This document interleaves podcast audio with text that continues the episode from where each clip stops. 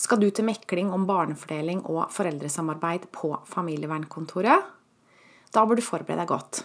Ellers risikerer du at det klabber seg enda mer.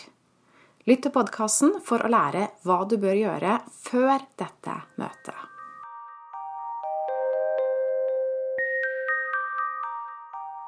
Jeg heter Line Strandvik. Jeg jobber som personlig veileder, hvor jeg hjelper deg tilbake til sannhet, hvor livet er ekte og meningsfullt. Jeg har hjulpet mange mennesker i forbindelse med skilsmissen, og har hørt mye om hva som foregår på familievernkontoret. Hvis dere samarbeider noenlunde greit, så holder det sannsynligvis med den ene obligatoriske timen for foreldre som flytter fra hverandre. Men hvis dere samarbeider dårlig, så blir det nødvendig med flere timer. Men det er ikke sikkert det hjelper. Det kan bli verre og verre for hver gang. Du bør derfor vite hva du begir deg ut på før du møter opp til mekling. Hvordan kan det ha seg at mekling ikke fører frem? Vel, for at mekling skal føre frem, så er det en forutsetning at begge foreldrene ønsker det beste for barna. Og det er ikke alltid tilfellet men det tar ikke systemet høyde for. De går alltid ut ifra at begge foreldrene vil barnas beste, og at konfliktene som oppstår, de har rot i kommunikasjonsproblemer og misforståelser. Og med det utgangspunktet så er det mange saker som håndteres uhensiktsmessig på slike kontorer. Jeg ser tre ting som kan gå galt. Det første problemet oppstår når barna involveres i dialogen. Og det høres jo riktig ut at vi skal lytte til barna og hva de har å si, men det kan være fryktelig vanskelig for barn å måtte uttale seg om hvordan de har det hos mor og far. De befinner seg i en lojalitetskonflikt, og uansett hva de sier, så svikter de en av foreldrene. Og de kan få dårlig samvittighet og føle seg medskyldige.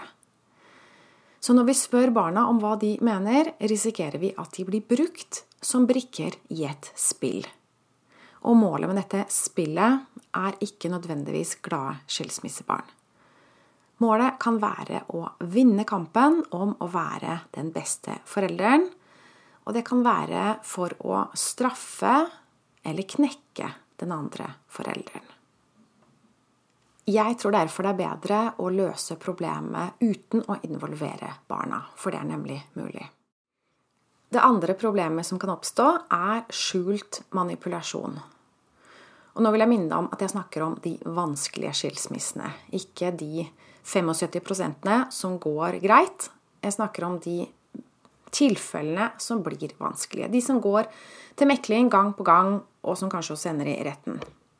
Problemet her er at hjelperen, dvs. Si enten terapeuten, mekleren, advokaten, sakkyndig, dommer, alle involverte her, ikke nødvendigvis gjennomskuer løgnene og spillet til manipulatoren på den korte tiden de tilbringer med denne familien. Jeg har hørt og lest mange historier om fortvilede mennesker som forteller at de ikke ble trodd av personen som skulle hjelpe dem og deres høyeste ønske var at noen skulle se hva som foregikk, og sette eksen på plass. Og istedenfor opplevde de at til og med hjelperen ble vendt imot dem og gjorde dem til syndebukken for alle problemene. Vi skal huske på at også i en rettssal så er det mennesker som dømmer, og mennesker kan gjøre feilvurderinger. Og problemet da er ikke bare at noen blir beskyldt for noe de ikke har gjort, det største problemet er jo at barna blir fratatt en omsorgsfull forelder. Så husk på det, det er ikke en selvfølge at sannheten kommer fram. Det kan hende at løgnene blir hengende i luften, og at løgnene blir trodd mer enn sannheten. Det skal du være forberedt på. Og det tredje problemet det oppstår når hjelperen lykkes i å gjennomskue løgnene og spillet til manipulatoren. Man skulle jo tro at det gjorde saken bedre, men det også gjør saken verre. Fordi den manipulatoren, eller gjennomskuede parten, vil ikke gi seg. For det er å vise svakhet. Så i stedet bruker de enda flere krefter på å renvaske seg selv. Krigen trappes opp. Kanskje blir det en ny rettssak eller det som også typisk skjer, er at de allierer seg med barna og mot den andre. Kontrollen om barna strammes. ved hjelp av ytterligere manipulasjon og løgner for å svartmale motparten, altså den andre forelderen. Og det kan resultere i foreldrefiendtliggjøring og foreldrefremmedgjøring. Barna blir den store taperen. Så mekling fungerer ikke når en av partene ikke ønsker å komme til bunns i problemene. Mange mennesker har en indre smerte som ikke de er klar til å kjenne på. Så presset om en åpen og ærlig dialog, det føles truende, og det blir besvart med angrep av motparten. Du kan også se at de av og til eh, angriper hjelperen. Men i hvert fall at de skyver skylden vekk fra seg selv, at de projiserer. Så vi kan ikke presse noen til å gå i seg selv og bli et bedre menneske. Og det har jo dette paret allerede funnet ut av, som er årsaken til skilsmissen. Så problemet med familievernkontorets modell, hvor paret skal snakke seg frem til en løsning, det er at man ikke forstår det her til bunns. Konfliktene øker når paret presses til å snakke sammen. Hvis din eks er en manipulator, en narsissist, en psykopat, uansett hvilke ord du bruker, men hvis du ikke kommer noen vei med dialog, og det bare blir verre hvis dere trekker inn andre personer òg, så vil jeg ikke anbefale å bruke familievernkontoret til å løse problemet. Da er det bedre å lære hvordan du håndterer eksen riktig, og hvordan du håndterer barna riktig. For det er en spesiell måte å håndtere barn på hvis du har barn med en narsissist. Dette kan du lære, og du har sannsynligvis mer å gå på enn du tror. Ved hjelp av selvutvikling så kan du takle alle vanskelige relasjoner. Alt håp er slett ikke ute. Det er mulig å bli lykkeligskilt med trygge barn allikevel. Men la oss se videre på hva om du må møte på familievernkontoret. Du har kanskje blitt innkalt, så du må møte. Så da må du forberede deg godt. Og hvordan gjør du det? Akkurat samme som ovenfor, du må lære å takle eksen riktig. For det her er jo en person som vet hvilke knapper han eller hun skal trykke på for å sette deg ut av spill. For å jekke deg ned.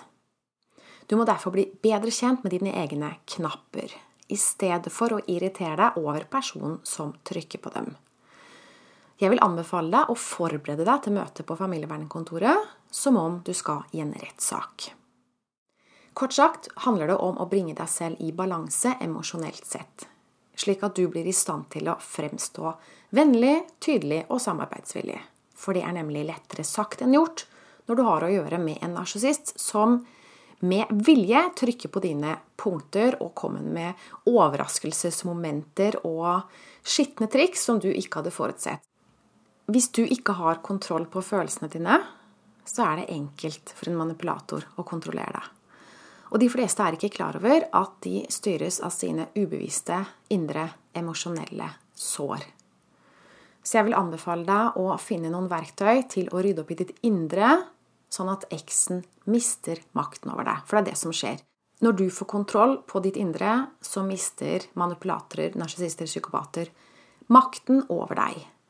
Den jobben bør du gjøre før dere skal møtes på familievernkontoret, og absolutt før dere skal møtes i retten for det er den eneste måten du kan vinne på.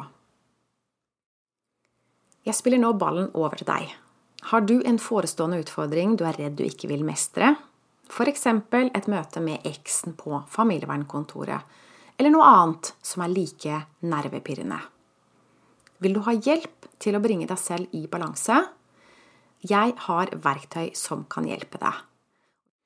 Du kan bestille en gratis introsamtale med meg på linestrandvik.no klarhet. Fyll ut det lille skjemaet der, og så finner vi tid til en kort prat på telefon og se hva det kan bli til. Tusen takk for at du hørte med. Jeg ønsker deg en fin dag videre. Ha det godt!